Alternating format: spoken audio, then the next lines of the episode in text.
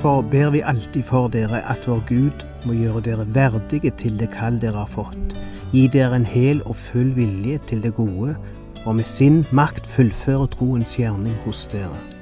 Da skal vår Herre Jesu navn bli æret hos dere, og dere skal få del i Hans ære, i kraft av vår Guds og Herren Jesu Kristi nåde.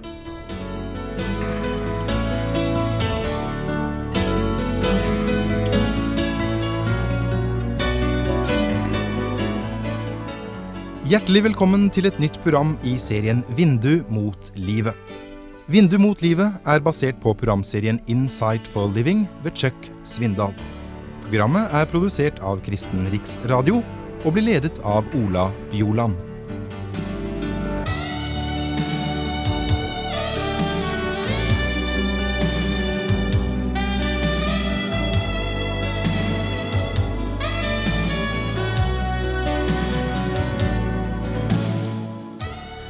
Paulus er i Korint når han skriver sitt andre brev til tessalonikerne, som vi har begynt på i denne serien. Og disse ordene i slutten av kapittel 1 som vi holder på med nå. Han er travelt opptatt med ting som skjer i Korint for tida. Og han er opptatt av noen folk som er hos han akkurat nå. En som heter Silas eller Silvanus, og en annen som heter Timotus. Og dessuten et ektepar som heter Akvillas og Preskilla. Så han er nok å være opptatt av. Og det er uendelig med oppgaver i Korint. Denne travle byen der de er ferd, i ferd med å bygge en menighet og en flokk kristne. Og de møter mange slags hindringer, all slags problem som oppstår.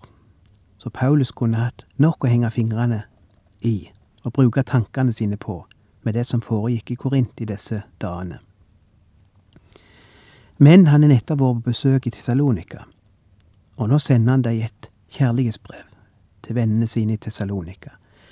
Og etter han er sendt ett, så får han høre at det har oppstått noen nye problem blant de, og så skriver han ett brev til. Og etter å ha gitt de noen oppmuntrende ord i innledningen, fortsetter han med å skrive at han ber for de, ja, at alle sammen som er samla i Korint nå, ber for de. Og de ber om spesielle ting de er veldig konkrete i det de ber om for sine venner i Tessalonika. Veldig konkrete. Og vi skal se på hva de ber om. Og vi skal også se utover i kapittelet at nettopp det de ber om, eller ba om, går i oppfyllelse, punkt for punkt. Først sier han, vi ber alltid for dere. Det var det vi snakket en del om sist gang, dette med å be stadig, eller be uavlatelig, som det står en annen plass. Det betyr ikke at vi går med lukka øyne og folda hendene 24 timer i døgnet. Men det betyr at linja er åpen til enhver tid, slik at en alltid er forberedt til be. Det er kontinuitet i vår bønn. Det er en del av vårt pulsslag. Og jeg vil mye heller vite at en person ber ei kort bønn for meg hver dag, om det så er bare ett minutt, eller iallfall ber ei kort bønn for meg regelmessig, enn at han bruker en hele time på meg hver måned, hvis du forstår hva jeg mener.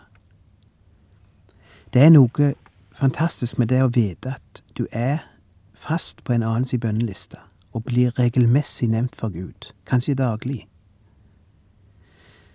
Du som har en familie, Sett navna på de som tilhører familien din, på bønnelista di. Be for hvert enkelt barn, hvis du har noen, eller barnebarn. Be for deres ektefelle, hvis de er gift. Be for den situasjonen de er oppe i. For det kommer til å gjøre noe med livet deres. For, som vi snakket om sist gang, det er dynamitt i bønn. Det er ordet som er brukt på gresk, dynamis. Samme ord som vi har i vårt dynamitt. Det er sprengstoff i bønn. Den gjør noe med folk. Og vi skal se på hva Paulus ber om for disse som han ber for. For det første ber han at, at vår Gud må gjøre dere verdige til det kall dere har fått. Høres det ut som meningsløse fraser, men la oss prøve å se på hva som virkelig står. Jeg ber om at det må få leve slik at det er verdig det kall det har fått. Og hva slags kall har de fått? De har fått kall til å være Guds barn, til å være borger av Guds rike, til å representere Gud i verden. Å leve verdig det kallet er å leve slik at mennesket ser noe. De ser Gud. De ser et rike som er annerledes. De ser livslova som er annerledes. De får øye på noe som er av en annen verden. De ser vekst, de ser frihet, de ser glede. De ser noe virke som de ikke har sett før, og som de begynner å bli nysgjerrige på. Begynner å ønske at de kunne finne ut mer om, og kanskje etter hvert begynne å ønske at de sjøl hadde noe av dette. Betyr det at de truende går rundt og synger hele dagen? og er fri fra plage og smerte, og får alle sine bønner oppfylt og alle sine smerter fjerna. Langt ifra. Tvert om står det noe om lidelser og trengsler her. At de må vitne om Gud gjennom disse lidelsene. I vers fem står der Dere skal finnes verdige til å få Guds rike som dere nå lider for. Og Paulus snakker mye om lidelse og smerte og motgang i sine brev. Og han sier ikke at vi skal bli fri alle lidelser. Men nettopp gjennom et liv som også inneholder lidelse og motgang, kan du være et vitne om Hans rike, og om Hans velsignelse, og om Hans makt og Hans nåde. Jeg har aldri møtt en kristen som har hatt innsikt og erfaring og dybde, som ikke òg har hatt smerte jeg har aldri møtt en kristen som virkelig er et nådig og sjenerøst menneske, som ikke sjøl har måttet stå og tikke om Guds nåde, og fortsatt gjøre det, fordi han sjøl kommer det kort i livet. Jeg har aldri møtt en kristen som har et liv som virkelig gjør inntrykk på, på folk, som ikke sjøl har ting han sliter med på et eller annet plan eller et eller annet område truende mennesker som mestrer livet så fantastisk godt på alle plan. Som er blitt løfta over all smerte, liksom. Og bare forteller om hvor godt de har det. Slike gjør ikke inntrykk på folk.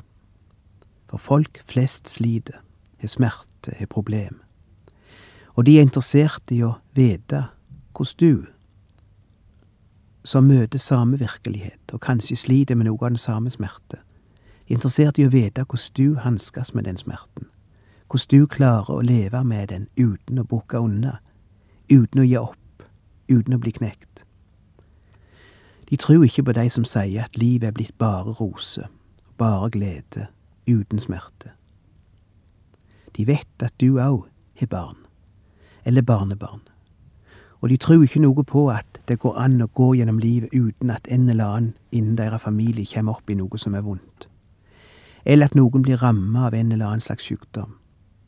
De tror ikke noe på at du aldri er redd, at du aldri griner, at du aldri står fast, at du aldri blir sint, at du aldri har vonde følelser inni deg. Slike vitnesbyrd virker ikke troverdig på folk. De vil heller møte mennesker som lever i den samme verden og opplever den samme virkelighet som de sjøl men som har funnet noe som kan bære de gjennom og holde de oppe når livet blir vanskelig. De vil høre om en Gud som er der når de har det vondt, sjøl om han ikke alltid tar de ut av smerten sånn med en gang. For da måtte han i tilfelle tatt de ut av denne verden. Det andre han ber Gud om, er at Gud må gi dere en hel og full vilje til det gode.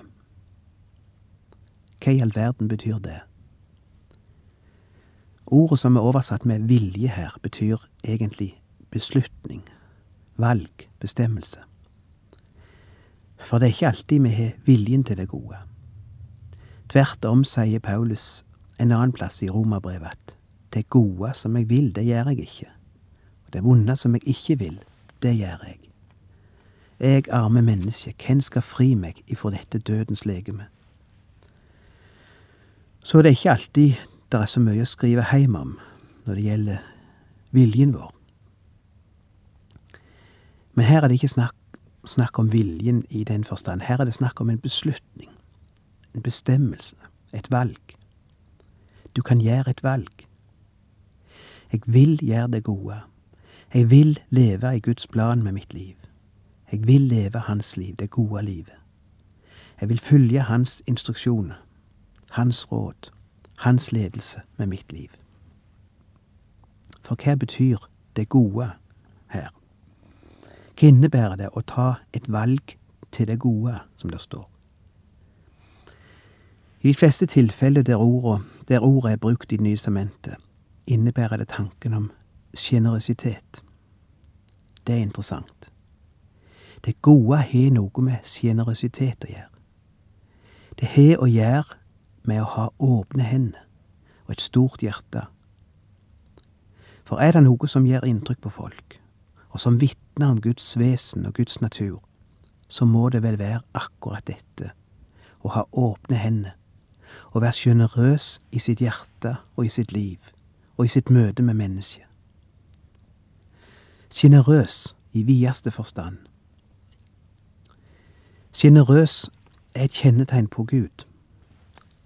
Han er nådig, og nåde inneholder blant annet det å være sjenerøs. Han er sjenerøs når det gjelder å gi. Han er sjenerøs i sin tålmodighet med mennesker. Han er sjenerøs i sitt vesen, og han ønsker å skape sjenerøse mennesker og sjenerøse holdninger. Dette kan være øyeblikket til å spørre hva har du bestemt deg for i det siste? Hvilke bestemmelser har du tatt i livet ditt? Hvilke beslutninger eller forsett har du gjort, eller valg? I gamle tider var det ikke uvanlig for truende mennesker å ta en bestemmelse og ha et slags program for livet, eller for det året som lå foran. De kunne endog skrive det ned. Mitt mål dette året er slik og slik. En mann skrev følgende program opp i sin dagbok. Jeg vil gjøre det gode, det vil si det som er rett, om jeg så skal stå heilt aleine. Av og til kan det være klokt å spørre våre barn om hva slags bestemmelser de vil ta, eller har tatt, for livet. Utfordre litt. Har du noe som du vil ha som mål dette året? Noen bestemmelse du har tatt for Gud? Og så kan du være med og be om at de må bli i stand til å oppfylle den bestemmelsen. Det er noe av dette Paulus ber om her, for de truende i, i um, Tessalonika.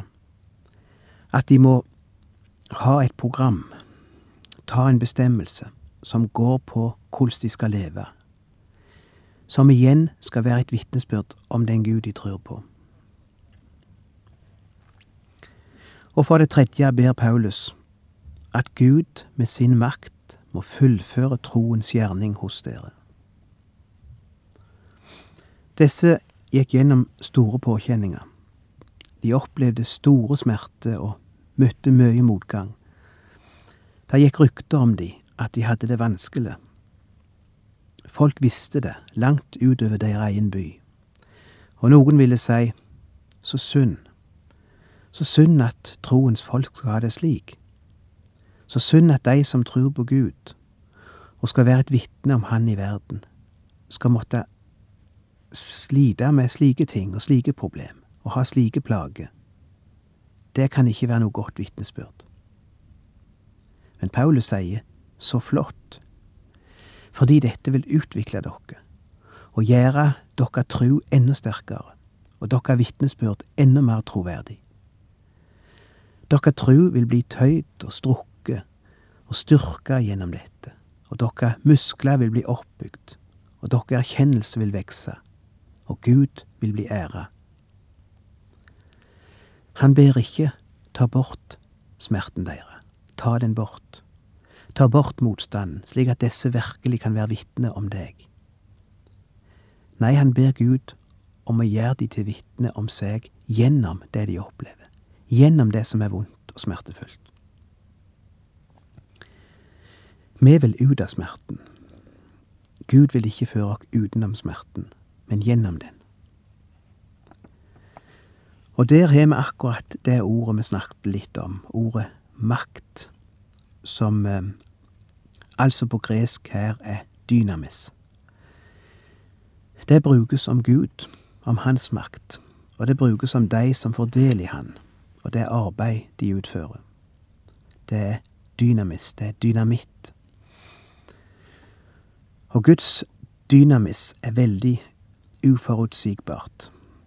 Du vet aldri når det kommer en eksplosjon, har de meste sagt. Du vet aldri når hans kraft eller makt er i virksomhet, før du plutselig ser resultatene. Og de kommer ofte uventa på oss. Guds spesialitet er å overraske. Har lagt merke til det? Akkurat på den tida du tror du har funnet ut hvordan Gud vil gjøre ting, tenk deg hvordan han skal svare. Så kommer han med svaret inn bakdøra. Og du hadde forberedt deg på at han skulle bruke hoveddøra. Og så kommer målet, eller formålet med det hele.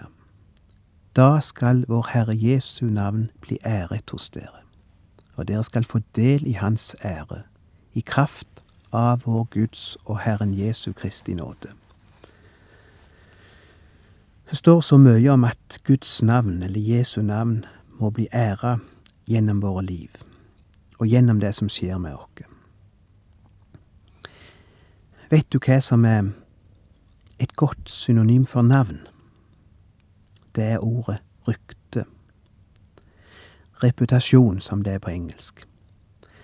At ryktet om Gud og ryktet om Jesus må bli godt ved og gjennom det de ser hos dere. Folk vil se på dere, og se på det som skjer med dere, og de vil si, er det slik Gud er? Er dette Gud? Da vil sannelig jeg òg tru på Han. Hvis det er slik Han er, da går det an for meg òg å tru på Han og gi Han mitt liv. Men nå må vi ikke miste av syne at det er bønn vi snakker om. Vi prøver å analysere Paulus i bønn, eller forbønn, og se på hva den inneholder. Og sjøl om det ved første øyekast kan se ut som frase for noen av oss når vi leser dette, fordi vi ikke riktig vet hva som ligger i de forskjellige uttrykkene her, så ser vi, når vi går inn på de enkelte begrepene her, at han faktisk blir veldig konkret og veldig praktisk. Og det er vel der vi har noe å lære av Paulus. Lære noe om å være konkret i vår forbønn, og praktisk, og nøyaktig, presis.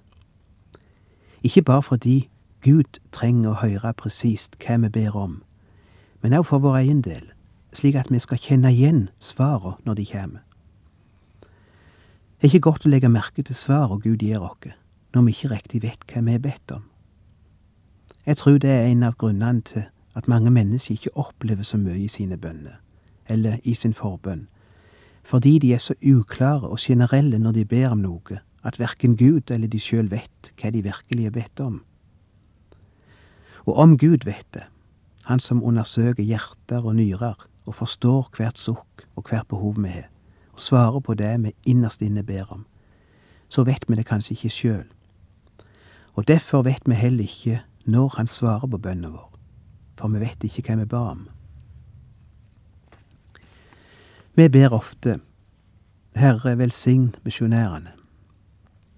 Har du bedt den bønnen noen gang? Jeg sier, ikke at det er galt, men hva med å være litt mer konkret? Hva med å nevne én av de ved navn? Hva med å nevne ett spesielt behov som du vet misjonærene har? Vi ber ofte Gud, led dere og styr dere og før oss. Hva er forskjellen på de tre ordene, forresten? Kanskje Gud tenker, hva ba han egentlig om? Ba han om tre ting, eller ba han om én ting? Ba han om at jeg måtte både lede han og at jeg måtte føre han, og at jeg måtte styre han. Og hva er forskjellen på de tre tingene? Eller mente han det samme med alle tre ordene? Hva mente han egentlig?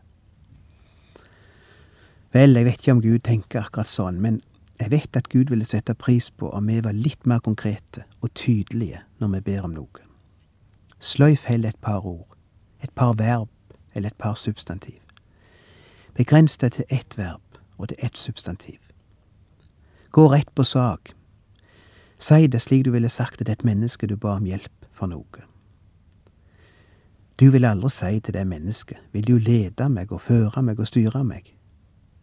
Du ville si, kan du si meg veien til Stavanger? Eller vil du hjelpe meg med å finne ut hvilken vei jeg skal ta her, til høyre eller til venstre? Eller vil du holde meg i hånda når jeg går over denne bruna, eller når jeg går gjennom denne smerten? Og så nevner du hva denne smerten er. Tenk om vi kunne være like rett på sak og like tydelige når vi ber Gud om noe. Hva tror du Gud er? Tror du han er så veldig, er så veldig behov for å sitte og høre på våre lange, fine utredninger, med tusen ord og åndelige fraser? Tror du ikke han er mye, han vil mye heller høre rett fram hva du har på hjertet, og hva du vil han skal gjøre for deg og hjelpe deg med? Når jeg leser i dette brevet, så ser jeg nydelig eksempel på hvordan Paulus sine bønner går i oppfyllelse, fordi han ber så konkret. Og fordi han har bedt så konkret, så får han øye på resultater sjøl òg. For Paulus har lenge bedt om det han nevner her i disse to versene. Og allerede når han skriver dette brevet, og nevner hva han har bedt Gud om, så ser han at mange ting av det han er bedt om, og fortsatt ber om, er i ferd med å gå i oppfyllelse. Og det skal vi se på etter hvert som vi går gjennom disse tre kapitler.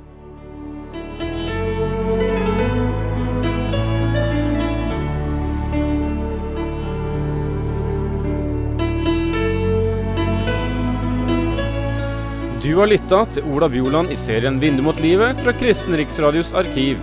Ola Bjoland var ansatt i Kristen Riksradio til han døde i 2002.